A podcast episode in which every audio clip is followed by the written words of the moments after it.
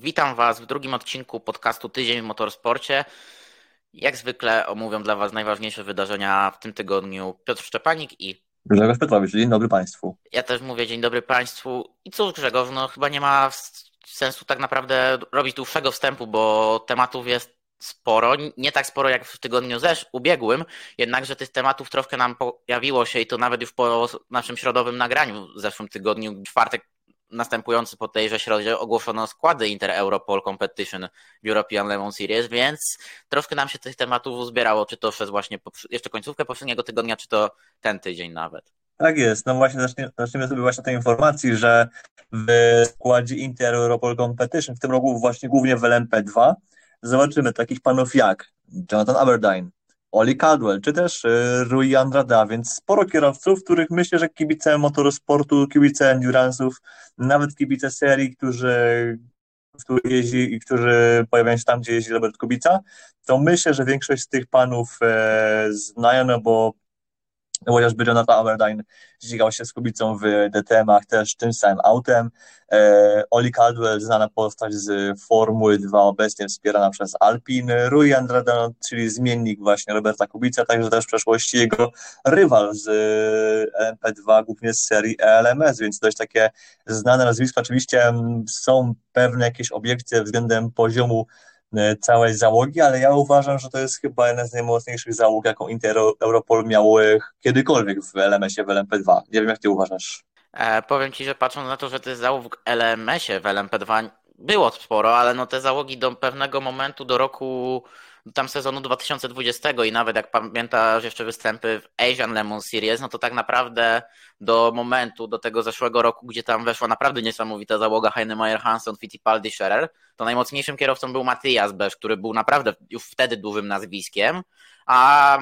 teraz mamy tak naprawdę Inter Europol nie ma problemu, żeby wziąć kierowcę, który może być przymierzany i jest przymierzany do Hypercara w Alpin. Kierowcę, który jeździ z Robertem Kubicą w WRT i pokazuje jakieś wyniki. No i Jonathana Aberdyna, więc tak naprawdę nie ma problemu, chociaż no właśnie nie wiem jak tu będzie z poziomem tej załogi. Mam nadzieję, że zaskoczą nas pozytywnie i Coldwell i Aberdeen, no bo Rui Andrade jest jednak tym solidnym silverem i jeżeli będziemy mu dawać tak na przykład pojechać w wyścigu godzinę 20, półtorej godziny, no żeby wyrobić po prostu tą minimalną normę, no to mam nadzieję, że tempo Aberdyna i Coldwella pozwoli na to, żeby Inter Europol dojeżdżał na wysokich miejscach w klasie LMP2. No plus pamiętajmy, że jednak ta klasa LMP2 w tym roku w Elmsie jest mocno ubożona, bo raczej tam Pro-Am dominuje, a w Pro-Amie mamy naprawdę kilka wspaniałych załóg. No tak, niemniej jednak y, chcielibyśmy, aby Inter Europol plasował się głównie gdzieś tam pomiędzy załogami właśnie tymi nazwijmy to pro, tymi głównymi załogami, aniżeli pro-am, a okazuje się, przynajmniej historia tak pokazała z tych dotychczasowych paru sezonów z klasą pro-am w LMS-ie, że te załogi pro-amowskie, one też są bardzo mocne i wystarczy choćby najdrobniejszy błąd zespołu, jakieś, jakaś najmniejsza przygoda i już te załogi pro-am się mieszają właśnie z załogami głównymi, więc yy, naprawdę presja po stronie ekipy LMP2 tych głównych, aby nie przegrywać z programami, które przypomnijmy różnią się względem tych normalnych tylko tym, że mają w załodze yy,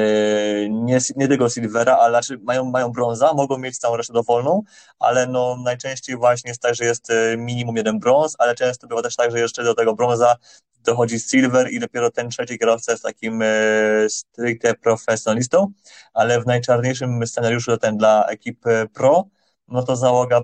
składa się z dwóch platyn oraz jednego brąza, a to już jest bardzo, bardzo mocny skład, z którym normalne załogi normalnego LMP2 muszą się liczyć i myślimy, że że piekarze mają szansę podołać tego typu, tego typu ekipom.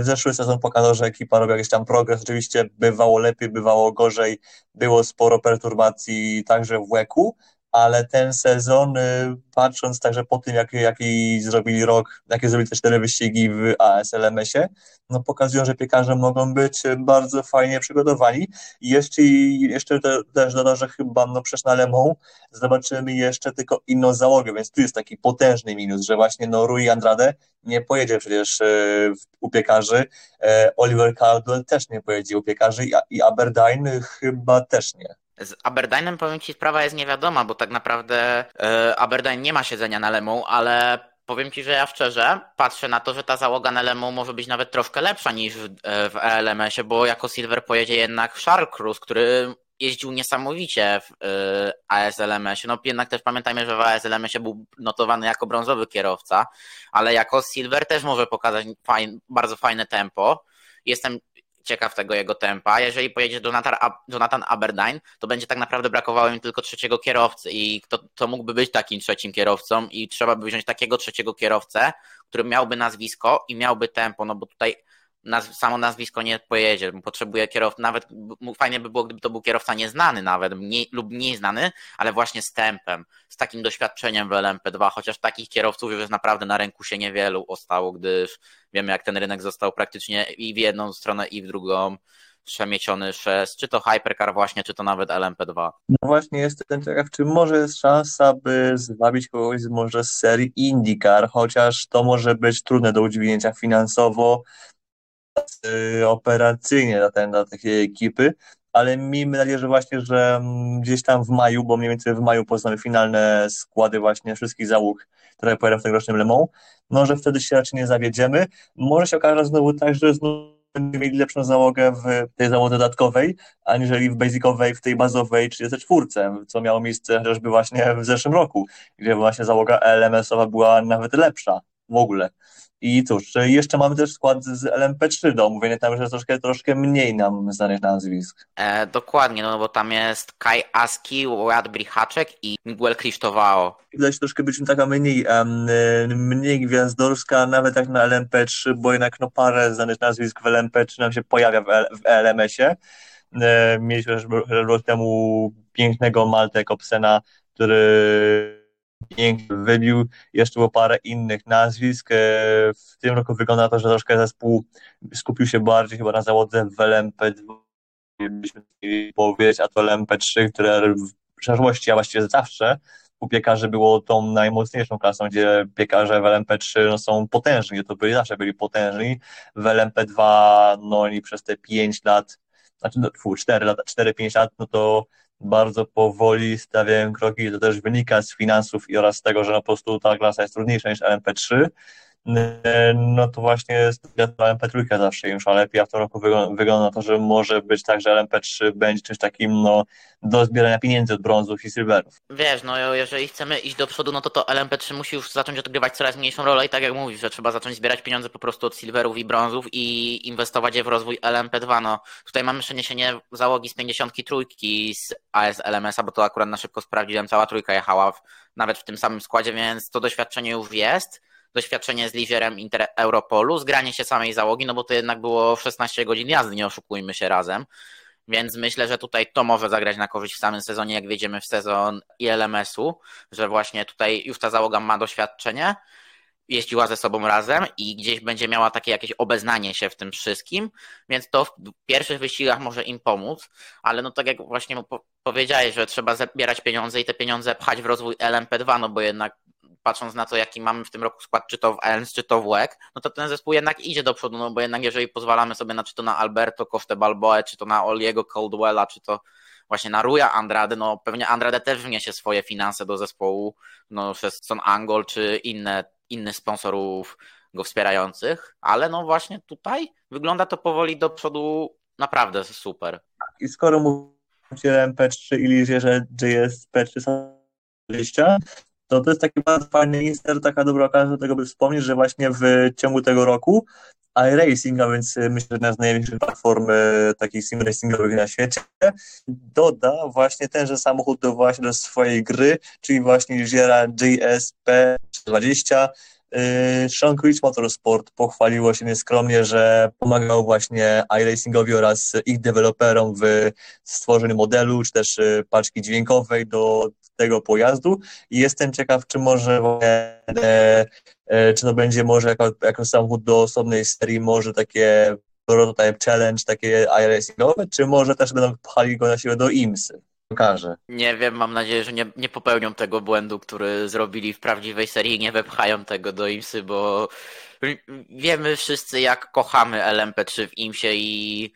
jakie jest wspaniałe i nawet tutaj się śmiałem z tobą, że twoje ukochane auto dodają do iRacinga, czyli Ligiera LMP3, a tak naprawdę sam Ligier chyba już był dostępny w R-Factorze albo w Automobiliście dwójce, więc tak naprawdę to nie jest chyba nowość, bo wiem, że na pewno poprzednia generacja była w Project Cars 2 dostępna, bo katowałem tą grę niemiłosiernie, więc praktycznie mam tam te wszystkie prototypy obeznane,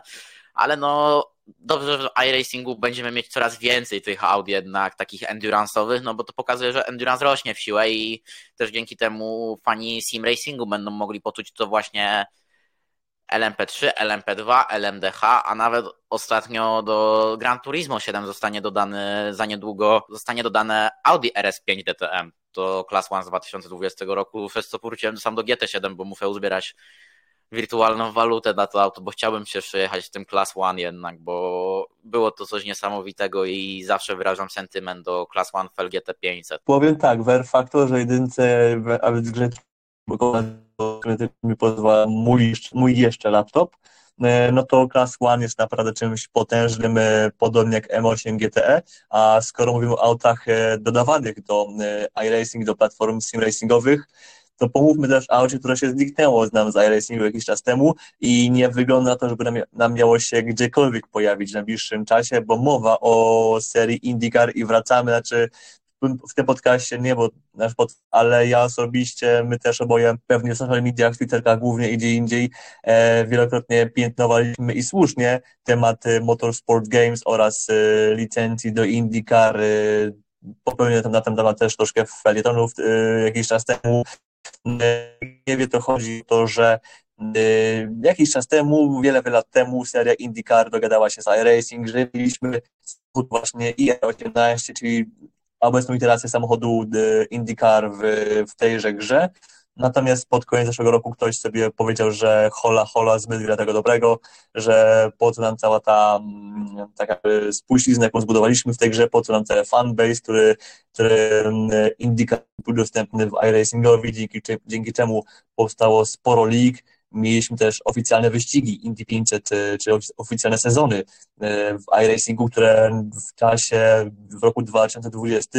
nawet pokazywano w telewizji, to na głównych stacjach NBC Sports oraz także w Eurosporcie pokazywano wyścigi, jak ci kierowcy IndyCar ścigają właśnie w wirtualu. Po co na to wszystko? Po co ten, ten fanbase, który zbudowaliśmy? Pieniążki mają się zgadzać. Przekażmy licencję teraz Motorsport Games, które nam zbuduje całą grę od nowa, opartą właśnie o naszą kochaną serię IndyCar. Y, no chyba, że nie, bo okazuje się, że Motorsport Games zrobiło Motorsport Games, a jeśli ktoś z Was nie wie, to Motorsport Games, czyli obecny właściciel praw y, do R Factora dwójki, do, do czego tu jeszcze Piotrze mają y, prawa, na Boże się Boże organizacja, do NASCAR Ignition? Chyba tak, do NASCARu i coś słyszałem, że WEC będzie coś z nimi miał kombinować, ale nie wiem, czy że coś tam z tego wyszło tak naprawdę ja. z WECiem, bo... No, o WECu to ja pamiętam jeszcze z czasów, jak um, Gerard Neve opuszczał struktury Lumemu i jego miejsce na Wusteru FIA w WEC Fredrik Lekę, to tamtego, to jeszcze, jeszcze tam teraz pamięta ta, ta historia. Natomiast punkt jest taki, że niestety właśnie gra IndyCar, znaczy mod, mod na samochód IndyCara opuścił dawno temu iRacing. E, miał w tym roku przejść, e, do, dodać, zostać dodany właśnie ten do, do portfolio Motorsport Games jako właśnie osobna gra. Niestety okazuje się, że właśnie, że tej gry też w tym roku nie będzie i nie wiemy, czy będzie w ogóle w tym roku, w przyszłym roku i czy kiedykolwiek po prostu e, Motorsport Games e, zrobiło scam, a Penske Entertainment, czyli właściwie praw komercyjnych IndyCar, czyli właśnie taki odpowiedni tego, że właśnie IndyCarowy, no poślizą się właściwie na odchodach, które o których wszyscy widzieli, gdzie leżą. I powiedziałbym, że dobrze im tak, ale niestety nie dobrze im tak, ponieważ na tym cierpią, cierpią kibice, fani, simracerzy, wszyscy, e, no bo wszyscy wiedzieliśmy, że Motorsport Games zrobi badziewie, a właściwie nie zrobi nic i weźmie hajs i znów się będzie wypierać prawnikami i nieprawnikami i straciliśmy niestety znów grę IndyCar, kolejną platformę straciliśmy wielka szkoda dla sim racingu, nawet jeśli ktoś nie poważa sim racingu jako, jako poważną działkę sportu, e-sportu czy życia, usiłowania się i tak dalej, to trzeba oddać iRacingowi to, że spory fanbase wciągnęli właśnie do serii IndyCar poprzez, e, poprzez właśnie simy. Jak ktoś był fanem F1 czy może jakichś rajdów, to jeśli e, wkręcił się w iRacing, to pewnością miał okazję pograć w Indikary i z pewnością ten mod dobrze oceniał. Niestety już na to nie ma takiej możliwości, bo tego auta nie ma i obawiam się, że auta, że gry Indikarowie oraz takiego moda w najbliższym czasie nie będzie, więc tam chyba zostaje tylko nie modów faktora dwójki czy jedynki właśnie w oparciu o podobną mod, bo wielka szkoda dla całego sportu. Dokładnie, no wielka szkoda, bo tutaj tak naprawdę jeżeli nie będzie gry IndyCarowej, to troszkę zostają fani IndyCar na lodzie, bo jedynie tym autem tak naprawdę legalnie będzie można pojeździć bez modowania, nigdzie nie będzie można tak naprawdę IR-kom 18 pojeździć, bo jeszcze na przykład w Project Carsie dwójce była jeszcze DW12, ale to jest jeszcze to jest ta pierwsza iteracja tego auta. Nie wiem, czy w trójce nie ma już IR18 w Project Carsie 3, ale no kupienie obecnie starszych edycji Project Carsa już jest niemożliwe. Trójka chyba jest jeszcze możliwa do kupienia, ale dwójkę na pewno w zeszłym roku wycofano i jedynkę ze względu właśnie na wygasające licencje. Ja jeszcze udało mi się ją kupić i posiadam na swojej konsoli i uwielbiam tą grę, bo tak naprawdę dla mnie to jest jedna z najlepszych gier motorsportowych, jaka wyszła na konsolę bo tak naprawdę na konsoli to jest jedyna szansa, by spróbować wielu aut, bo jeżeli ktoś nie ma komputera, czy to właśnie pod iRacing, tak jak mówisz, czy pod Air Factory, no to Project Cars 2 było genialne, ale jak, tak jak mówisz, no tutaj w iRacingu tak naprawdę jeździ każdy szanujący się e-sportowiec i każdy szanujący się e-sportowiec mówi, że iRacing napra- tak naprawdę wygrywa ze wszystkimi symulatorami, bo czy to mówimy o F czy to mówimy o kierowcach F1 eSports, czy to mówimy o innych kierowcach e-sportowych, czy to mówimy tak naprawdę też o prawdziwych kierowcach, którzy ścigają się tak jak Max Verstappen, czy to właśnie w iRacingu, czy w R-Factorze. No pamiętamy też właśnie, tak jak wspomniałeś, to Indie Wirtualne 500, kiedy to Simon Parzeno wykonał pewien manewr na Lando Norrisie, który był wręcz bardzo kontrowersyjny. Tak, i nie poniósł za to konsekwencji, nie? To też yy, dodam. Tak, tylko dla ten, dla kontrastu, że a, gierka nie ma co się, co się przejmować kolizją, yy, kolizją tam w grze, to przypomnę, że jak w NASCAR były analogiczne wyścigi, też takie właśnie podczas wiadomo czego, no to Baba Wallace też trochę taki rage quit i on tam paru sponsorów stracił, więc tam no, sponsorzy do tego troszkę poważniej podchodzili, a w przypadku Simona Parza no, y, obyło się właściwie, po prostu to się, to się rozmyło się od razu. Oczywiście sama kolizja była troszkę kontrowersyjna, też pamiętajmy, też tam był, też netcode ma też w tym wszystkim udział, ale to już y, jest temat na osobną, dysku, osobną dyskusję. Chwilę wcześniej mówiliśmy o autach LMP3 w IMSA Sports Car Championship i wydaje nam się, że powoli chyba nasze modlitwy oraz modlitwy w sumie każdego fana motorsportu oraz wyścigów endurance, przynajmniej tego w USA, chyba zostają wysłuchane. Dokładnie. Yy, najprawdopodobniej po tym sezonie IMSA Sports Car Championship klasa LMP3 zniknie z mistrzostw ku radości tak naprawdę wszystkich, nawet chyba samych zespołów, bo już trzy zespoły poważnie rozmyślają przeniesienie się nasz sezon do klasy LMP2, w tym jeden zespół utytułowany w wielu klasach, odnosząc się do doniesień Grahama Goodwina z dailysportscard.com. I tak naprawdę myślę, że tutaj tym zespołem będzie Riley Motorsports, bo to jest jedyny zespół tak naprawdę, który, który był utytułowany w wielu klasach spośród obecnych ekip LMP3. No i Riley tutaj by mogło na przykład z CrowdStrike'em powspółpracować, z którym to współpracuje, czy to właśnie w klasie LMP3 w innych mistrzostwach, czy to w GT3, bo na przykład właśnie tak jak będziemy później mówić o SPA, no to na SPA będą wystawiać razem auto. CrowdStrike i Riley, więc tutaj to jest dobra opcja dla Riley'ego przejście do klasy LMP2, a pozostałe dwa zespoły, no to tak naprawdę jeszcze nie wiemy pewnie, ale tak jak strzelam, to, to będzie Ava i Shonkrich Motorsport mogą przejść. No też, y, ja mam też takie same właściwie, y, tą samą myśl, Shonkrich jak najbardziej ma sens, bardzo mocna załoga z dobrym przygotowaniem. Riley też ma zasoby, ma doświadczenie właściwie w wielu, wielu seriach, właśnie głównie amerykańskich, ale jednak ma potężne doświadczenie. Chyba nawet oni wystawiali przecież e, WeatherTech Racing, tą jedyną, jedyny start e, Multimatica w LMP2 w, w wieku 2017 w, w samym Le Mans, nie? Czy to ktoś inny operował? E, to, była, to, był, to była na pewno, to był bankiting. Tam było Keating Motorsports, jak się nie mylę, albo coś takiego. Ale ale Keatinga obsługiwał właśnie chyba Riley. Tak samo Riley obsługiwał tak, go tak, dwa tak, lata tak, Riley, Riley stał tym... bardzo długo za Keatingiem. No, tak samo właśnie obsługiwali go też dwa lata później, gdy wygrał, a właściwie nie wygrały Lemą w jedynym starcie prywatnego Forda GTE. Znaczy GT, w wersji GTE też jest wzruszającą historią. E, ale skoro jesteśmy jeszcze właśnie w temacie amerykańskich, e,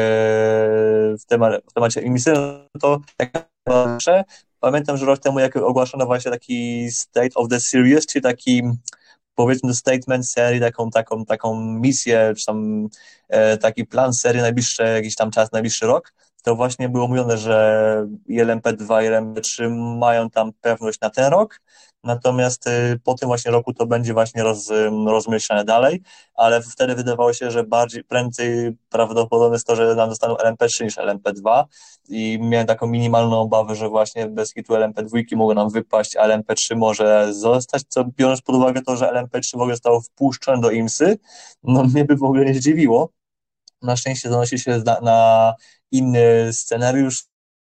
korzyścią myślę, że dla LMP2, ponieważ no, będzie więcej niż 5 aut w, w LMP2, co podniesie poziom klasy. Oczywiście na Daytonie zawsze jest y, full house, jest y, pełna ekipa w tej klasie, poza, poza Daytoną. Y, mówię, mówię nie, nie wiem, czy będzie ale chodzi o Daytonę. Po, po Daytoną no, bywa z tym krucho, jak się jakieś 7-8 aut udałoby się ugrać, no to byłoby super, a skoro jeszcze mówiliśmy o IMSie, no to mam jeszcze newsa od Sport oraz od TDS-a, to mają już e, obycia z IMSą. Dokładnie, TDS, który ma obycie z IMSą i Tower Motorsports, który wystawia za pomocą Star Wars Motorsport Out of IMSie, łączą siły na 24 Hours of Le Mans i wystawią naprawdę genialne, genialny skład w klasie LMP2 Pro Am. Tak naprawdę musimy wspomnieć, że to jest wykorzystanie nagrody Truman Racing e, i dzięki temu John Farano, wykorzystując tą nagrodę, wpuści do Le Mans René Rasta i Rickiego Taylora, którzy razem z nim wystartują w Orece numer 13 właśnie zespołu Tower by TDS Racing. I jest to piekielnie, piekielnie mocna załoga. No pamiętamy, co René raz zrobił, robił w zeszłym roku w WRT 31 w LMP2. Ricky Taylor, niesamowite doświadczenie za kierownicami no, DPI-ków. Mów Grzegorzu, bo tutaj chciałeś coś dodać popisy, akurat pamiętam, że popisy e,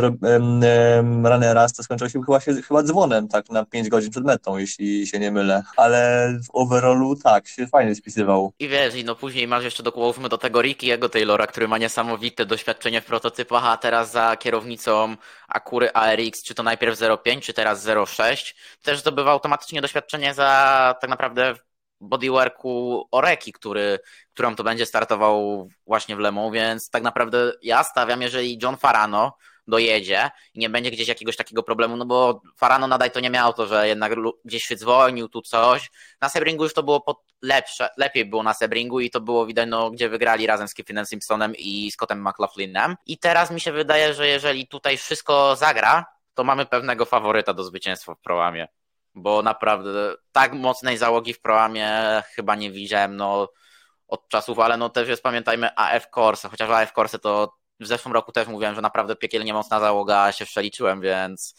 ja w tym roku nie postawię na, nie postawiłbym pieniędzy na AF Corsa właśnie na Power by TDS. No ale w tym roku w Corsa czy jest Perodo, czy nie ma Perodo Musi już? być Perodo, wiesz, jak mówimy o LMP2 to musi być. Musi, no dobra, ale e, anyway, John Farah, no dla mnie bardzo solidny brąz. Nie najlepszy, ale, ale solidny jeżeli właśnie nie będzie się rozbijał, to jest gwarancją tego, że dobrze jako brąz dopełni właśnie, dopełni właśnie Renera oraz y, Rickiego Taylora. Miałem coś jeszcze dodać, a właśnie, takie, takie szybkie wyjaśnienie w kwestii właśnie zaproszeń właśnie z IMSA Sportscar. E, jak wy pewnie wiecie lub też nie, w LMS-ie, ASLMS-ie, Michelin Le wyścigu kosiarek i tak wszystko co z Europy oraz Azji dostaje zaproszenie na Le to jest zaproszenie na zespół, czyli ekipa wywalcza mistrzostwo, wicemistrzostwo jakiejś klasie, która właśnie daje im, e, daje im właśnie możliwość startu w Le Mans w roku przyszłym też po prostu przy najbliższej edycji i potem jak jest lista, to po prostu z automatu mają to, to zaproszenie. Natomiast w IMSie sytuacja jest troszkę inna, ponieważ tam zaproszenie nie zdobywa zespół, tylko zdobywa je najwyżej klasyfikowany brąz w LMP2 oraz w GTT, co właśnie oznacza, że John Farano, jeśli został właśnie tym najwyżej klasyfikowanym brązem w zeszłym sezonie, to właśnie on wywalczy takie właśnie trofeum, o którym mówiłeś wcześniej, Piotrze, i wówczas y, John Farano e, dogaduje się z jakąś ekipą, może, może się dogadać, też nie dogadać, wówczas po prostu nie wystartuje w Le Mans i to zaproszenie po jego stronie przepada, ale jeśli się właśnie dogada, no to sklejają właśnie program, sklejają właśnie dwóch jego team partnerów, dwóch zmienników i wówczas taki kierowca wraz z jakąś ekipą z USA może pojechać właśnie w Le Mans w klasie GTD, obowiązuje ten sam schemat. Fajnie byłoby jakby właśnie za rok udało się jeszcze może przy wprowadzeniu Audi GT3 zrobić taką mini klasę dla aut Pro z GT3, ale to jest marzenie świętej głowy. Zresztą o takim fejkowym mistrzostwie świata dla kierowców platynowych też gadaliśmy już tydzień temu. W każdym razie to jest taka troszkę taki inny system właśnie zaproszeniowy niż właśnie obowiązuje nas w USA. Czy fajny, czy nie fajny? ja uważam, że nie fajny. Powiem Ci, że i tak ten system zaproszeniowy jeszcze się skomplikuje po tym sezonie, gdzie tam już wchodzi Ci GT World Challenge Europe tak naprawdę i brązka. Teraz ten system zaproszeniowy tak naprawdę, żeby się połapać w tych zaproszeniach, to będzie coś okropnego i mam nadzieję, że będzie to w miarę uproszczone, bo jednak patrząc na to, że mamy mieć tą pełną konwergencję, no to zapraszanie out GT World Challenge, no to, to tak trochę średnio mi to się koreluje, bo jednak zapraszanie out z IMSY to jest genialna idea i jednak na przykład właśnie gdybyśmy mieli już na pełnej właśnie klasie, czyli GPT, GT, GTP FL Hypercar, LMP2 i GT3 FL GTD, no to tutaj okej, okay, zapraszajmy z IMSY auta, no bo to będzie wysoki poziom, no tak jak w tym roku pojedzie, czy to tak właśnie jak mówimy o Johnie Farano, czy pojedzie Ryan Hardwick z Proton Competition, też w bardzo mocnym składzie i w Elmsie to ta załoga ma, będzie miała dużo do pokazania, ale no właśnie, no zapraszanie takie z GT World Challenge Europe może się skończyć lekkim, lekką czkawką dla samego ACO. tak myślę, że tak może być. No cóż, no ale widocznie um, ACO zrozumiało, że potrzebuje jakiegoś może wsparcia, pomocy właśnie ze strony Ratela. No i może w ramach takiego właśnie długowdzięczności dali mu właśnie te parę zaproszeń właśnie GT World Challenge. To też pozwoli sobie zwiększyć konkurencję w 3, e, bo jeśli zyska na tym GT World Challenge, no to sam WEC, sam WEC też może w tym jakiś sposób e, zyskać pod kątem konkurencji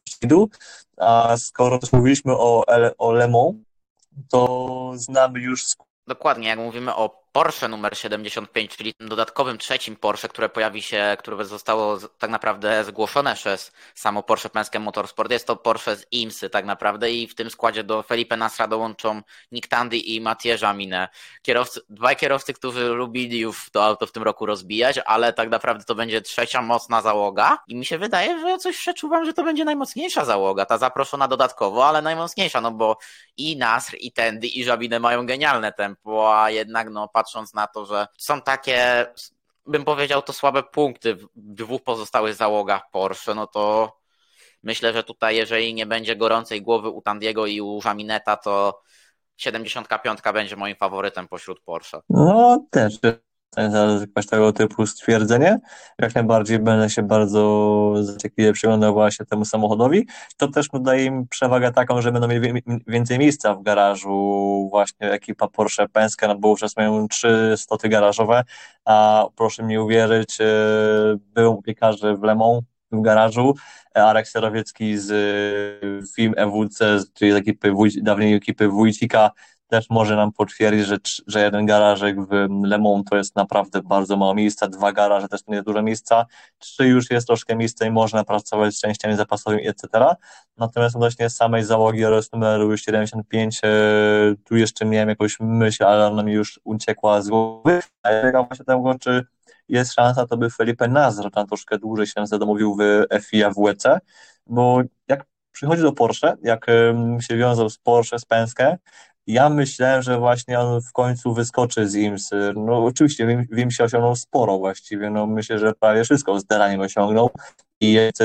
wielkim kierowcą, jeśli chodzi o to, co tam osiągnął. Natomiast myślałem, czy może jest szansa, to by nam skoczył właśnie do Mistrzostw e, Świata, by dał się może tak znów poznać e, światu po tym jego krótkim epizodzie w Formule 1, bo uważam, że Nazar ma naprawdę świetny potencjał.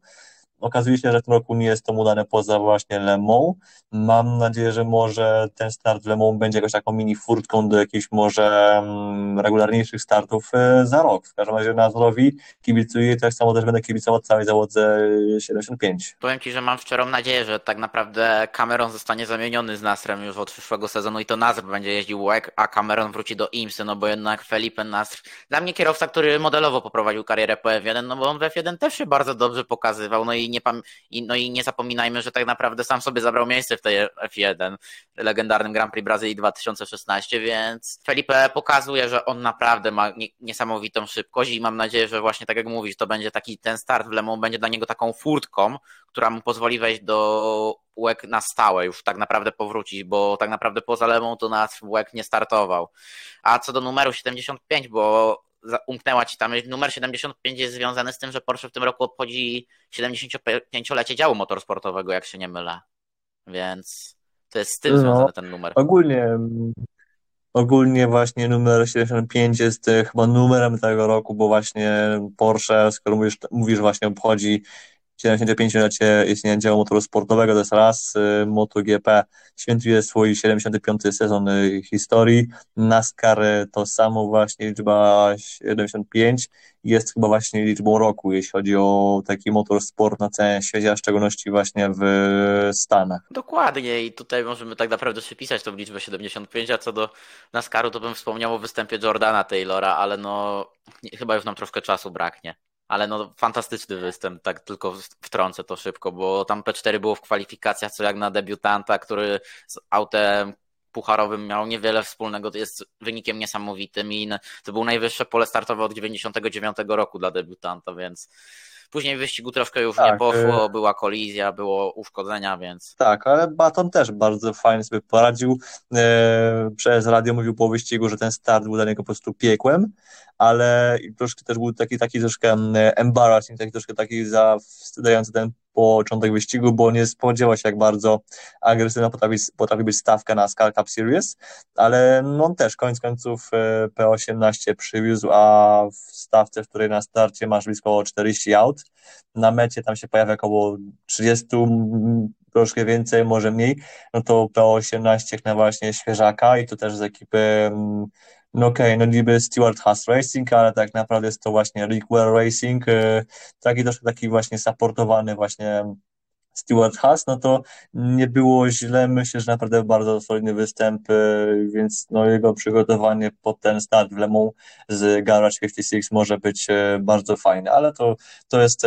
mniej... Dokładnie, to tak tylko na marginesie i już możemy tak naprawdę przejść do tematów testowo-ardenowych, bo tak naprawdę teraz wejdziemy troszkę w klimat testów, później będziemy na SPA bardzo blisko i ze SPA będziemy zmierzać ku końcowi podcastu. Zaczniemy od testów BMW i WRT, gdyż ostatnio Vincent Vos troszkę uchylił nam rąbka tajemnicy, co będzie tak naprawdę, co się dzieje z tymi testami i jak w ogóle pracuje WRT nad tym, aby te testy się odbywały i mówi tutaj Vincent Vos, że wszystko tak naprawdę jest, e, wszystko jest w porządku i te testy mają już ruszyć w maju, więc jest to bardzo pozytywna myśl dla WRT, które mówiło pierwotnie, że tak naprawdę te testy LMDH ruszą w drugiej połowie tego roku, więc maj jest dość dobrym terminem i tak naprawdę wszystko jest powolutku. Też Vincent Vos mówił, że tak naprawdę, że ludzie, przepraszam, że ludzie WRT pojechali do Stanów już w styczniu, żeby przygotowywać się właśnie z razem, razem z Team RLL. Tak, bardziej tutaj, czy można być zdziwiony, że udało, że udało się ten program testowy przyspieszyć? No pamiętajmy, że developmentu w BMW nie będzie, no bo to jest auto LNDH już, które jest już dodatkowo zahomologowane, więc y, tak naprawdę to pół roku, okej, okay, no będzie, ono, ono będzie bardzo ważne. Sporo zrobić pod kątem tego, by ten program w przyszłym roku miał to, co, to, co robi BMW, im się to jest po prostu taki Peugeot, tylko że dojeżdżają. E, natomiast no, nawet jeśli nie ma tego developmentu, to i tak e, przez testy, przez poznawanie auta, przez testowanie odpowiednich kierowców, którzy mogą potem utworzyć skład w konkretnych dwóch samochodach, a nawet trzech, bo mówi się, że możliwe jest trzecie auto, no będzie bardzo istotne. Mam nadzieję, że oczywiście kierowcy, którzy mają tam się pojawić zero, to zdążą jeszcze przed sierpniem w tym aucie zasiąść, a nie będzie tam się pojawiał ktoś, kto ogłosi sobie program na kolanie w połowie lutego przyszłego roku, jeśli wiecie o kim mówię. E, mówię oczywiście o panu Robercie Kobicy, mam nadzieję, że właśnie, że w przyszłym roku, jeśli będzie faktycznie BMW w klasie Hypercar, no to jak najbardziej e, mam nadzieję, że już teraz, znaczy już teraz, że będzie w, jak każdy inny kierowca BMW, lub też, lub też kierowca WRT, bo nie każdy kierowca WRT jest w programie BMW, no to każdy z tych kandydatów dostanie jakąś e, szansę testu, szansę na wykazanie się, szansę właśnie na to coś do tego programu wnieść. E, skoro wspomniałem o braku developmentu, to od razu powiem, nie umiejętności rozwojowe Roberta Kubicy nie będą potrzebne. E, skończmy z tym mitem, jasny kierowca ma wpływ na development, ma wpływ na, na to, jakie auto może tam się gdzieś rozwijać, ale pamiętajmy, że koniec końców nad autem pracują inżynierowie, pracuje cała, cały zestaw aerodynamików, może też stylistów, i to głównie oni oraz cyferki, samochody na telemetrii, no to głównie one pracują tym, jak e, to auto potem wygląda. Okej, okay, Daytona była takim trochę Peugeotem, tylko że dojechali, ale ten Sebring już naprawdę obiecująco wyglądał, a dzięki tej kolizji oni tam zdobyli P2, chociaż no to wiesz, że tak była kolizja, ale i tak by dojechali w P5, więc tak naprawdę i tam błąd ten 24, chyba tam Augusto Farfus ten błąd popełnił, że on wyjechał za szeroko i tak naprawdę rozbił to BMW, więc gdyby tam nie te błędy, to BMW naprawdę jeździ solidnie i ta wytrzymałość może być tak naprawdę ich atutem, więc tutaj mam nadzieję, że to będzie ich atut i tak naprawdę to, że to, że WRT weźmie ich program LMDH w WEC-u, jest genialną informacją, bo WRT nie pozwoli sobie na lipę, nie pozwoli sobie na coś miernego i WRT sobie będzie chciało już wyrobić bardzo szybko dobrą markę w Hypercar i będzie chciało wyrobić sobie szybko dobrą markę, że my z BMW robimy program na Mistrzostwo Świata, więc tak naprawdę mam nadzieję, że tutaj WRT też im pomoże. Wracając do kierowców, no to praktycznie wiesz, już René raz siedział w tym aucie, nim jeździł na Aragon w sierpniu zeszłego roku. Pewnie Dries Van Tor z Charlem Wersem też już wskoczą razem z WRT do tego auta. Kto tam jeszcze może wskoczyć? Valentino Rossi? Nie wiem. Pewnie mu zorganizują test znając życie, ale no nie eee, tutaj. Znaczy właśnie test, tak pozwolę przerwać, test już jest zapowiedziany, że właśnie test z Rossim jak najbardziej będzie. Kiedy on będzie, nie wiemy. Sheldon van der Linden może być kandydatem programu właśnie w WEC-u. To jest taki mój kandydat. Spada tej czwórki jeszcze. O, tutaj jest troszkę tych kierowców, powiem Ci. I tak naprawdę mi się wydaje, że właśnie ten nowy narobek BMW będzie tutaj wsadzony do WRT i będzie testował z WRT. No bo raz już testował, ale wiesz, jest jeszcze Vantor, właśnie Wers. Mi się wydaje, że może tutaj będą próbowali coś z Jake'em Denisem ugrać. No trudno mi teraz też powiedzieć tak szczerze. Mi się wydaje, że na pewno amerykańskich kierowców nie zobaczymy tam takich, którzy zasłynęli na, bardziej na zachodzie, za Atlantykiem. No nie, więc y, Conor De Filippi, Alex Sims, ja myślę, że ta dwójka raczej nie ma nie ma zbyt wielu szans. Y, może jako testerzy, ale Simsa już nie ma dawno w ale no jako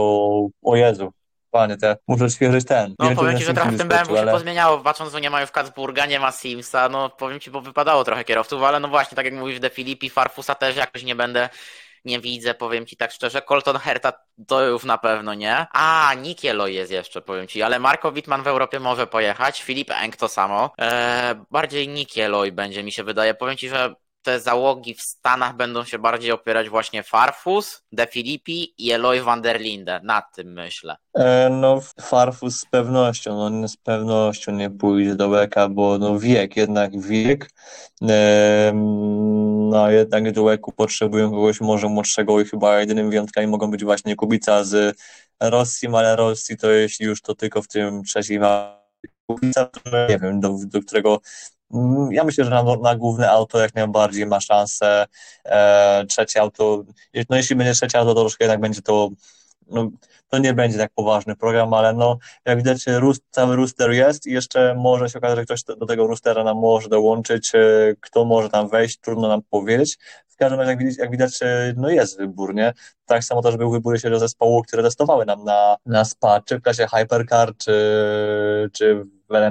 LMP2, no głównie w Hypercarach to w sumie jeździło tylko Ferrari oraz Porsche, e, czy może ktoś tu jeszcze jeździł, bo mogą to, mogą to umknąć. Nie, w Hypercarach tylko Ferrari i Porsche jeździło, testowało tu w Posebringu właśnie przed europejskim sezonem. Widzieliśmy te piękne ujęcia, jak razem te auta jechały, jeszcze padało na spa, więc no praktycznie trafiły się tam warunki takie perfekcyjne do robienia jakichkolwiek zdjęć czy innych takich rzeczy, no bo do jazdy to jednak lepiej, żeby było sucho i do zbierania danych. Chociaż na mokro też się to przyda, bo jednak spa na majówkę potrafi być bardzo kapryśne. No w końcu to góry, niby niewielkie, bo Ardeny, ale one są wiem. bardzo kapryśne. Coś o tym wiem, coś o tym bardzo dobrze wiem. E, natomiast jeśli chodzi o ekipę LMP2, to w sumie nie powiem tutaj dokładnie jakiej ekipy. Można powiedzieć po prostu, że każda poza Inter Europolem, ponieważ tam była cała masa ekip, e, czy z WEKA, czy właśnie czy z LMS-u, głównie tych profesjonalnych. No szkoda właśnie, że Inter Europol nie wyrwał się chociażby z autem e, tym do LMS-u, by właśnie potestować, ale cóż, widocznie względy budżetowe. W tym czasie piekarze jechali w właściwie wrócili do, ten, do serii e, dawniej znanej jako WDW, teraz to się nazywa, o Jezu, już zapomniałem. Ultimate Cup Series. Mm, Ultimate Cup Series, dokładnie, o, tu, dokładnie Piotrze, masz rację. Um, w każdym razie, no widać, jedni testują, inni się ścigają. E, piekarze w sumie też na tym, na tym starcie w WDW coś ugrali, ponieważ e, ich załoga w LMP3 no, zdobyła cenne doświadczenie przed sezonem, więc e, przynajmniej takie przygotowania poczynili. E, jak można interpretować e, wyniki z testów LMP2? No nie będziemy interpretować, ponieważ to właściwie nie ma sensu. Klasa LMP2 jest na tyle zbita, że e, nawet jeśli ktoś jest szybszy czy wolniejszy, to jeszcze nie, nie determinuje to tego, kto może wygrać, kto może przegrać. Pokazuje to bardzo świetnie przykład właśnie minionego Zebring, gdzie no piekarza chociażby bardzo ładnie wystrzelili właśnie z tym, z tym wcześniejszym zjazdem, a parę mocniejszych ekip troszkę się posypało. Mogę powiedzieć, że SPA będzie bardzo ciekawe. Ja mam nadzieję, że będę mógł Wam przywieźć e, jak najwięcej e, czy bardzo ładnych fotek, czy bardzo ładnych doniesień odnośnie SPA, ale myślę, że są jeszcze inne tematy, które możemy Cię jeszcze omówić. Dokładnie, no właśnie jak już jesteśmy w Ardenach na SPA, no to lista startowa na Six Hours of SPA, o którym właśnie mówił Grzegorzu, gdyż oficjalnie już potwierdzono to, co tak naprawdę było wiadomo od dawna, iż na SPA dołączy nam drugi Cadillac, w stawce Hypercar, to będzie Cadillac numer 3, co, co ciekawe bardzo. To tak naprawdę jest przeniesienie załogi numer 01 z IMSY i tam pojadą w aucie Sebastian Bruder razem z Rengerem van der Zande. Nie będzie trzeciego kierowcy w tej załodze, to już potwierdzono, więc będzie to dwuosobowa załoga, tak jak to w poprzednich latach, jeszcze w latach klasy LMP1 niektórzy jeździli na SPA, że było dwóch kierowców po prostu. I potwierdzono też już oficjalnie na liście startowej, że do stawki Hypercar dołączy Jota numer 38 wraz z Porsche 963 w składzie i FIE, Antonio Felix da Costa i William Stevens. Jest. Y, I propos właśnie Cadillaca warto wspomnieć, bo też Graham Goodwin dla Daily Sports Car y, skleił takie, złożył takie bardzo fajne zestawienie właśnie producentów ekipy. Z niego można wywnioskować, że Cadillac y, póki co w tym przyszłym roku chce się skupić na programie takim stricte fabrycznym, a ekipami fabrycznymi dla Cadillaca jest właśnie Chip Ganassi Racing, które operuje jako, jako Cadillac Racing oraz Action Express, które dawniej wystawiało także auto dla Jimmy'ego Johnsona oraz jego załogi, ale głównie wystawiało samochód e, pod brandem Wheel Engineering. I okazuje się według e, Goodwina, że dopiero w roku 2025 Cadillac może być otwarty na takie, na program kliencki, a więc to, co robi Porsche, czyli właśnie sprzedaż dodatkowych aut LMDH e, dla jakichś innych ekip zewnętrznych, któż to mógłby być, e, nie wiemy. To jest bardzo odległa perspektywa. Na razie wygląda na to, że po prostu właśnie Porsche nasz, nasz będzie zalewało tymi autami prywatnymi, no bo w sumie jak spojrzymy na Lemą, no to na Lemą mamy już minimum właśnie cztery, no minimum, mamy już cztery Porsche i właściwie z tego dwa razy więcej niż, niż jakiegokolwiek innego producenta w klasie Hypercar, e, a jak jeszcze do tego za rok, no za, za rok, e, na Monzan dojdzie do tego jeszcze Proto, będzie znów będą cztery auta, a za rok dojdą dwa kolejne prywatne samochody, plus Le Mans będzie jeszcze może znów trzecie Penske, no to tych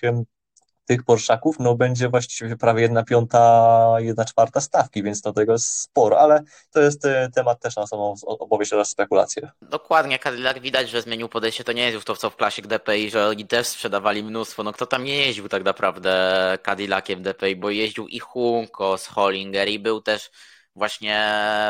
było JDC Miller i, był, i było naprawdę trochę tych Cadillaców w stawce, a teraz Cadillac skupia się właśnie na ekipach fabrycznych i to jedynie Porsche sprzedaje i może też te problemy fabrycznego Porsche są okupione tym, że właśnie tak mocno skupili się na tym programie klienckim, chociaż to są tylko moje domniemania teraz, taką lekką teorię spiskową wyrzucam, ale lepiej, żeby te ekipy fabryczne się na sobie skupiały. Mam nadzieję też, że w przyszłym roku już będzie jakieś klienckie Ferrari, bo mówiło się o tym, że Rizzi by mogło kupić jakieś klienckie Ferrari do IMSY, ale no to też jest takie dybanie w tym wszystkim i jeszcze chyba na to trochę za wcześnie, żeby mówić o autach klienckich. Tak, poczekajmy właśnie, zobaczymy. E, propos, no to cały czas nie bardzo słyszymy nic o Lamborghini. Jeśli chodzi o Alpine, to pierwszy samochód, a właściwie no w sumie bo będzie za rok tylko jedno auto alpinowskie w łeku w klasie Hypercar, to ten pierwszy samochód testowy już tam jest prawie że złożony i niedługo pewnie właśnie w okolicach y, Six Hours of Spa przejdą się, przejdą się pierwsze, odbędą się pierwsze jakieś shakedowny, testy i tak dalej, ale to jest na temat inną, na inną opowieść. Dokładnie, jedynie takim producentem, który dość głośno mówi na temat swojego programu Hypercar jest Izotta Fraskigi, która ostatnio się podzieliła z tym, że przed rolloutem jeszcze testują na, testują napęd 4 na 4 co jest bardzo ciekawe, więc mam nadzieję, że tutaj to, ten rozgłos Izotty nie skończy się wielkim fiaskiem, a tak naprawdę tym, że to będzie jeden z programów, który będzie walczył w tej stawce, ale cieszy to, że i, o Izotcie słychać i Izotta ciąg na bieżąco informuje, że ten program jest w fazie rozwoju, no bo jednak gdybyśmy mieli właśnie ze strony Izotty taką ciszę, jak mamy ze strony Lamborghini czy Alpin, no to można by się było martwić, czy ten program tak naprawdę będzie jeszcze istniał, a patrząc na to, że mamy taką, taki rozgłos o tym, no to mamy to, to tak naprawdę tych niedowiarków mi się wydaje utwierdza to w pewności, no bo ja widząc te nazwiska, które stoją za tym projektem i to, że jednak wszedł do niego Vector z Prosgarem Holandem, no to to to potwierdza, no bo na początku, jak go donosił o tym, pamiętam Graham Goodwin, no to było takie, co to za marka, co, czy, to, czy to ma prawo wypalić, a tak naprawdę teraz już mówimy o poważnym rywalu dla innych producentów, więc czekam na tą Izotę, czekam na rollout, ale też czekam na rollout Lamborghini czy Alpin. Tak, e, no to jest e, też mówię, temat na ten, na dalszą przyszłość. Myślę, że też mamy jeszcze parę innych tematów chyba do mówienia oraz jeszcze będzie parę pytań od y, kibiców oraz y, słuchaczy z Twittera. Dokładnie, mamy jeszcze takie dwa tematy króciutkie, tu już tak bardziej wchodząc klasę GT3 i takie właśnie bardziej auta już typowo sportowe, no to ukazano listę na 24 Hours of Spa, która będzie miała 72 zgłoszenia, co jest niesamowitą ilością i tam patrząc, że jeszcze mówi się coś o wyłożeniu GT2 do SPA, no to ta stawka może być naprawdę już przebić tą 80 za niedługo. No tylko właśnie, czy dodanie Audi GT2 nie, zdaż, nie będzie takim, takim krokiem wstecz, bo jednak e, no wyścig 24 Hours to Spa to nie jest 24 e, Hours of Dubai, czy w ogóle 24 Hour Series, gdzie tam jeżdżą troszkę, troszkę profesjonalistów jeździ, ale w dużej mierze jest to taka seria dla amatorów, by sobie pojeździli autami GT3 i wokół nich pobujały się jakieś TTR czy jakieś tam GT4. No jednak 24 e, Hours of Spa jest uważam tym najważniejszym wyścigiem GT3 na świecie e, i nie powinno tam się wpychać e, aut, które nie są stworzone pod e, tak długie wyścigi. Tam mogą być brązowi kierowcy i są bardzo mile widziani, ale jednak auta GT2, które GT2 tylko z nazwy, no tam nie powinny widnieć. To jest tak wpychanie LMP tutaj do IMSA po prostu nie ma sensu i obniża prestiż serii. Dokładnie, no mówimy jednak o serii Intercontinental GT Challenge, w której mamy naprawdę niesamowite wyścigi i to jest taka topka, naprawdę topka GT3 na świecie i to jest ten najważniejszy wyścig GT3 na świecie i utrzymajmy go tylko dla GT3, bo i tak naprawdę ta stawka z roku na rok nie maleje, gdyby, gdyby, gdzie by można powiedzieć, że jednak są jednak uciekają ci kierowcy za GT3 gdzieś wyżej, a jednak no nawet stawka tych kierowców Pro jest dość solidna, no bo mamy K-Pax Racing, mamy Komiotu z Audi, które powoli wraca, mamy też Santelog Junior Team, mamy Team WRT z BMW, mamy jeszcze AF Corse 2 które będzie miało dwa auta, które zastępuje Iron Links w roli zespołu fabrycznego Ferrari, które, gdzie to Iron Links będzie wystawiało Lamborghini też jedno w klasie Pro, więc o tych aut w klasie Pro trochę nam będzie. Jeszcze Mercedesy też nie zapominajmy, więc trzeba o tym pamiętać, że jednak ta stawka jest bardzo mocna i nie nie dopychajmy jej jeszcze takim niepotrzebnym naprawdę dopychaczem, bo mam już na tyle aut, że same auta GT3 nam tworzą, stworzą niesamowite widowisko. No, stworzą niesamowite widowisko oraz nam mocno zapchają tor. 70 aut na, na torze SPA, nawet na tych 7 kilometrach, to jest y, naprawdę potężna, no trafik tam będzie potężny. Ale to cóż, będziemy się martwić w czerwcu, lipcu. Dokładnie, będziemy się martwić tym w czerwcu, lipcu. A nie musimy się natomiast martwić wynikami Szymona Ładniaka w Ferrari Challenge, który to w swoim pierwszym weekendzie na torze w Walencji zdobył podium już w drugim wyścigu i zajął dokładnie trzecie miejsce, więc brawo dla Szymon, brawa dla Szymona. Jak na debiutancki weekend P5 i P3 to są dobre wyniki i jest to naprawdę dobry start sezonu, taki, który może wyprowadzić Szymona wygrane jeszcze w tym sezonie. Tak, no Jak dla mnie bardzo fajnie. Mam nadzieję, że Szymon nam się bardzo, że bardzo fajnie się skupi na dalszej części sezonu. E, to, gdzie może wylądować za rok, czy to znów będzie w Ferrari Challenge, czy może gdzieś tam pójdzie i coś tam połączy z tą serią, lub też pójdzie w ogóle dalej to jest będzie temat oczywiście na przyszłość. Na razie po prostu gratulujemy. E, też wiem, że Jan Przyrowski też się bardzo ładnie spisał w Mistrzostwach Europy w kartingu. Maciej Gładysz chyba też, ale głównie Jan Przyrowski tam chyba zdobył te mistrzostwo, więc parę sukcesów w kartingu czy w samochodach w miniony weekend było. No i chyba możemy też już przejść do pytań właśnie od widzów, nieprawdaż? Tak, mamy takie dwa pytania. Pierwsze od portalu racedriver.pl kiedy wywiad z Kubą Giermaziakiem? Powiem tak, że myślałem dzisiaj już nad tym pytaniem i myślę, że ja bym coś takiego zrobił w okolicach Nürburgring 24 Hours, jak już będą wiadome składy i tym podobne, ale też ciekawe jakby było to z dostępnością Kuby, no bo jednak on social mediów nie prowadzi tak regularnie i będę pisał pewnie maila w połowie kwietnia, w drugiej połowie będę kwietnia takie szczegóły ustalał i pewnie byśmy to zrobili w takim formacie, że ja i Grzegorz byśmy tutaj się połączyli razem i byśmy się z Kubą połączyli po prostu na naszej platformie do podcastów i byśmy taki wywiad przeprowadzili. Tak, no ja też tutaj właśnie dołożę swojego zaangażowania, by właśnie z Kubą spróbować się skontaktować. Wiem, że pewnie może mieć zajęty terminarz, ale e, myślę, że dla chcącego raczej nic trudnego, ale no cóż, mamy jeszcze czas do Nürburgring 24, jeszcze zostały nam prawie dwa miesiące, więc e, trochę czasu jeszcze jest. Dokładnie, no taki czasów na dogranie szczegółów jest. No tutaj RaceDriver.pl pisze, że w nadchodzący weekend w NLS-ie startuje wraz z Jessim Kronem, a pamiętajmy, że Jesse Kron to nadal kierowca fabryczny BMW, więc to jest bardzo wysoki poziom i jednak Kuba, tak jak już mówiliśmy to w ostatnim odcinku, czy ja to też gdzieś na Twitterze ostatnio pisałem, że Kuba jednak był tym talentem i jest naprawdę wybitnym polskim kierowcą nie zapominajmy mówiąc też, że Robert jest, ale pamiętajmy też, że był ktoś taki jak Kuba Giermazik i nadal jest w tej orbicie motorsportowej, który jeździ dobrze. E, kontynuując, w jakiej serii według Was pojedzie w tym roku Robin Rogalski? Ja myślałem szczerze o ADAC GT Masters, bo do DTM już jest wypchany praktycznie na maksa i to też jest jeszcze za wcześnie na DTM, ale to ADC, ADAC w GT Masters w nowym wydaniu może być dla niego naprawdę fajną serią, żeby się wykazać. Też, jestem podobnego zdania, bo poprzedni rok tam było jakiś tam był taki puchar powiedzmy taki Benelux, ale Beneluxowo-niemiecki, jeśli się nie, nie pamiętam już jak ta seria się nazywała, w każdym razie to było taka, takie coś troszkę jak stopień niżej jeszcze pod um, ADAC. Właśnie stara w ADAC byłyby taką bardzo fajną trampoliną, która pozwoliłaby mu wyjść e, do GT World Challenge, a więc myślę, że dość medialnej serii pod kątem GT oraz do wspomnianych DTM-ów. Ja myślę, że no jeśli z tych dwóch to prędzej GT World Challenge, bo jednak e, tam idziesz jako członek załogi, a do DTM-ów idziesz już jako indywidualny kierowca, jako samodzielny zawodnik, który jest e, w danym aucie sam i tam już idą naprawdę konkretne tuzy oraz y, mocne talenty. Znaczy, no, Robin jest talentem, tylko po prostu y, idą już talenty z doświadczeniem oraz taką renomą, która już po prostu jest już, jest już naprawdę konkretna i już mają nazwisko, więc y, myślę, że Robin w tym roku pewnie się pojawi nam w, w ADC, bardzo fajny pomysł. Jakby się udało może jakieś, no nie wiem, Lemon Cup będzie pewnie ciężko, ale no ADC już byłby naprawdę bardzo po, porządny poziom. Zresztą Kuba Giermaziak chyba też tam ma troszkę startów zaliczone. E, ktoś jeszcze miał tam też w przeszłości z Polaków, nie wiem, tam też tam troszkę jeździł, więc y, to byłby kolejny bardzo fajny Polak e, jako dodatek tej stawki i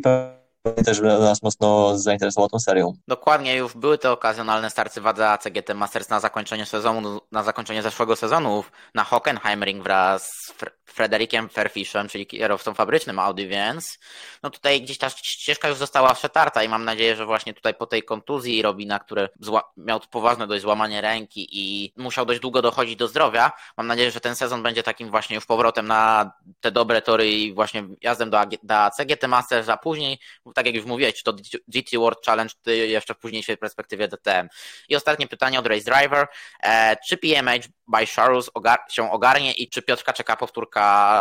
w F3 z Formula Regional European Championship by Alpine? Eee, no ja jednak niestety nie będę aż takim optymistą, nie wiem jak ty Piotrze, ale no eee, pewnie rozwiną się w jakiś sposób i postawią krok naprzód i przeskoczą może jeszcze jedną, dwie ekipy, ale obawiam się, że to będzie maksymalnie walka o PEP 11. Swoją drogą też mnie bardzo irytuje system punktacji w F3, we Freka, w Formułach 4. Wiem, że FIA chce to mieć ujednolicone, że tam, że wszystkie serie mają ten sam system punktowy, że wszędzie punktuje top 10 i tam jest ten piękny system, gdzie jest y, za drugie miejsce masz punktów 18, a potem nagle jeb 25 punktów za zwycięstwo, co tam jest chore i ja, ten, ja ten, tą, tą dysproporcję między drugim a pierwszym miejscem krytykuję od właściwie od roku 2000 tego do teraz. Natomiast no, FIA po tak sobie wymyśliła i tak będzie, jakby wbito tam system punktowy z Porsche Super Cup lub też z MotoGP, byłoby fajniej, bo Piotr by jakieś, jakieś punkty powalczył, plus ta walka była bardziej zacięta, no ale niestety no właśnie P15 wydaje mi się, że w perspektywie tego roku to może być y, maksimum y, pewnie dwa, trzy razy się może uda coś tego typu ogarnąć. No punkty B, najpierw pokonać y, 15, blisko 20 kierowców by w ogóle w punktach się zameldować. Dokładnie, no pamiętajmy, że Szarus czy to w F2, czy to w F3 nie jest za wybitną ekipą, a w Szaruzie tak naprawdę jedynie, jedynym kierowcą, który dobrze jeździł w F3 był Logan Sargent, który naprawdę tam w 2021 roku wyczyniał cuda w tym Szaruzie i wbił tego Szaruza na naprawdę tam zdobył 120 punktów i był, jak dobrze pamiętam, jedynym punktującym kierowcą, więc ale no wiemy, że Logan, który miał wtedy za sobą już sezon 2020 w premię w F3, więc a teraz już jest w F1 z Williamsem i też pokazuje bardzo dobry bardzo dobry warsztat, więc no, tam trzeba by kierowcy talentu, żeby w ogóle jakiekolwiek wyniki osiągać, więc myślę, że jednak będzie raczej ta powtórka z Freka,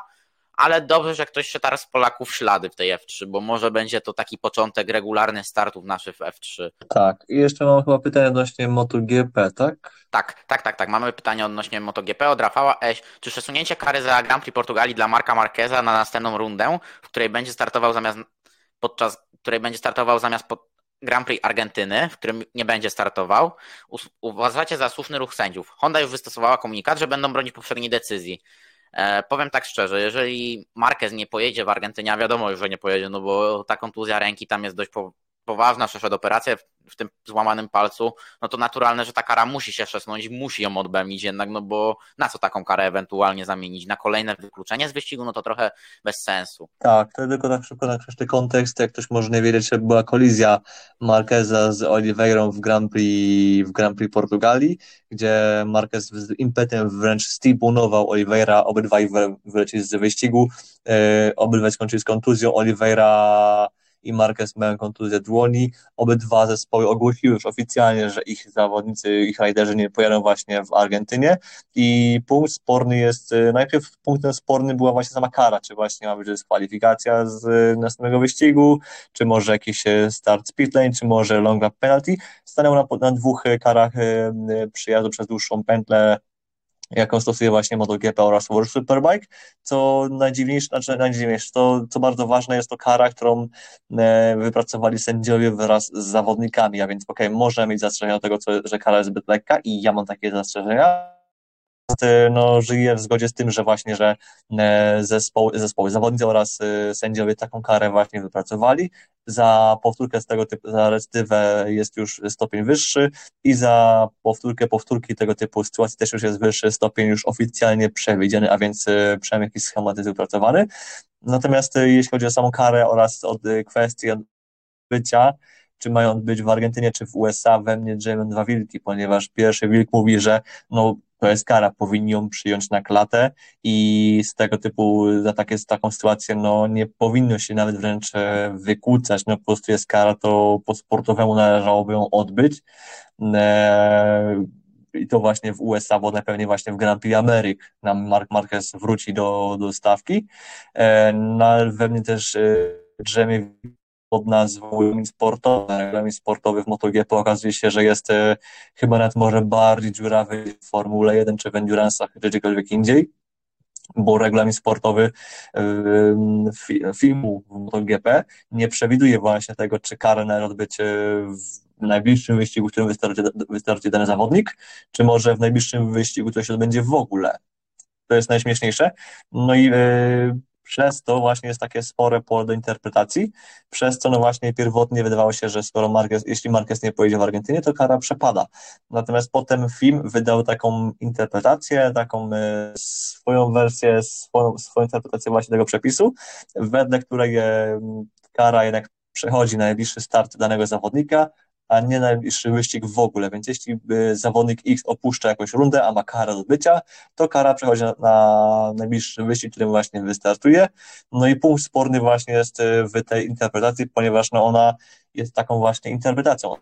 jednoznacznym przepisem i o to się właśnie spina zespół Repsol Honda i ja ich najbardziej, jak najbardziej właśnie w tym temacie rozumiem, bo z jednej strony powinni Karol przyjąć na klatę, bo ich zawodnik schrzanił robotę i wysłał swojego rywala do szpitala, ale z drugiej strony regulamin sportowy MotoGP jest no, momentami tak dziurawy i tak niejasny, że wykładania się, ponieważ no, z punktu widzenia prawa, przepisów, zostaje potraktowani nierówno, nie do końca równo. To, to, to brzmi dziwnie, ponieważ no, to kara jest zasłużona, tylko właśnie no, sam całe podejście przepisów jest y, takie, że faktycznie karę mogą ominąć i jest właśnie złożona apelacja. I ja absolutnie bym się zdziwił oraz myślę, że nie byłbym jakoś szczególnie zły na to, gdyby tę apelację wygrali, ponieważ no, z punktu widzenia prawa, przepisów mogą mieć jak najbardziej rację, a no koniec końców ja jednak kibicuję tym, którzy mają jakiś tam argument swojej strony, a nie e, dziurawemu regulaminowi. Najbardziej mnie wszystkim irytuje to, tak kończąc myśl, że MotoGP, a więc y, seria motocyklowa, gdzie wyścigi są niezwykle kontrowersyjne i e,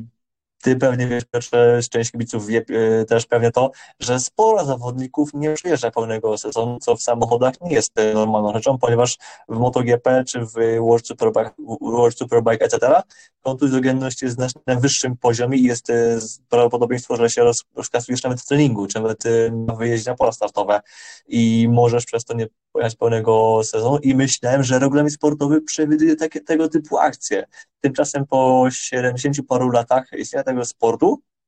okazuje się, że on tego nie przewiduje, tym irytuje najbardziej. Nawet nie to, że Honda apeluje od decyzji, ponieważ mówię, ja ich rozumiem. To jest, to jest okropne, ponieważ okazuje się na to, że nagle się okazuje, że sędziowie FIMU walczą z sędziami FIA na głupotę oraz y, nieznajomość własnych przepisów, które, których nie potrafią zaaplikować. Zgadzam się z Tobą, Grzegorzu. No jeżeli seria istnieje już, tak jak było już 75 lat, a nie przewidziano tego, że kierowca po prostu może po takiej kolizji wypaść z wyścigu, nawet jeśli ją, spodoba, nawet jeśli ją spowodował i wtedy z taką karą i tutaj, tak jak mówisz, no ja zgadzam się z tym, że Honda ma prawo do apelacji, no bo ten przepis jest niejasny i oni go mogą interpretować na swoją korzyść.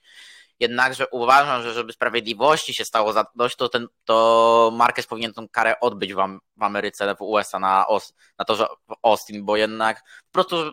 dla czystej sprawiedliwości, no bo jednak nie powinno być takiej sytuacji, gdzie wjeżdżasz w kierowcę i dzięki kontuzji taka kara ci uchodzi na sucho. Tak, tak, ale jednak y, no y, jasne, będzie karać nie bardziej, tu jestem, tu jest też za i tu mówię, z punktu widzenia właśnie takiego sportowego, sumiennego i tak dalej, jak najbardziej jestem e,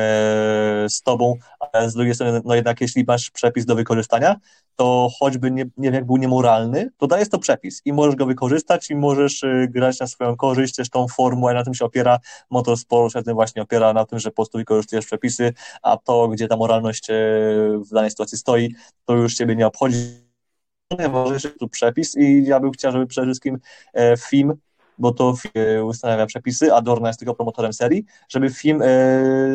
no jednak uści, ten, uściślił tego typu kwestie i załatał pewne dziury, bo tych dziur pewnie jest więcej. Już nawet nie wspomnę o tym, że Zdarzało im się w zeszłym roku puszczać na start zawodników ze wstrząśnieniem mózgu, co w NASCAR czy w IndyCar jest y, nie do pomyślenia. Tymczasem w MotoGP tego typu rzeczy przechodzą, ale to też jest temat na osobną rozmowę. No dokładnie, co do, sam, co do przepisów, to po prostu to jest czysty makiawelizm. Celu święca środki i tutaj nie ma moralności, nie ma, po prostu jest to dobro, jest to zło i trzeba to wykorzystywać właśnie. No. A co do tego, no to tutaj zdrowie zawodników przede wszystkim i trzeba tak, i przepisy w celu bezpieczeństwa trzeba ujednolicić, no bo jednak unikajmy tych wypadków e, w MotoGP, czy w Moto2, czy w Moto3, bo były były takie przypadki, gdzie te wypadki się kończyły już po prostu śmiertelnie. Tak, no i tutaj jeszcze wiem, że Mik Fiałkowski wraz z Piotrem Biesikirskim troszkę właśnie na ten temat debatowali myślę, że możemy odesłać ich do ich najnowszego podcastu właśnie jeszcze, jeszcze z Grand Prix Portugalii. W szczególności polecam właśnie tematy bezpieczeństwa, żółtych flag. Ja też tam dodaję swoje trzy grosze w komentarzach, ale też już jest temat na osobną dyskusję. Dokładnie. No i cóż, drugi odcinek naszego podcastu Tydzień w Motorsporcie się zakończył. Wszystkie tematy już omówiliśmy. No i cóż, zapraszamy do odcinka za tydzień. Mam nadzieję, że będziemy mogli omówić sporo fajnych tematów i no cóż mogę powiedzieć, do usłyszenia Grzegorzu. Dziękuję za rozmowę. Dziękuję Piotrze, dziękuję Piotrze, dziękuję nasi drodzy, do usłyszenia. Dziękuję bardzo za słuchanie nas, do usłyszenia.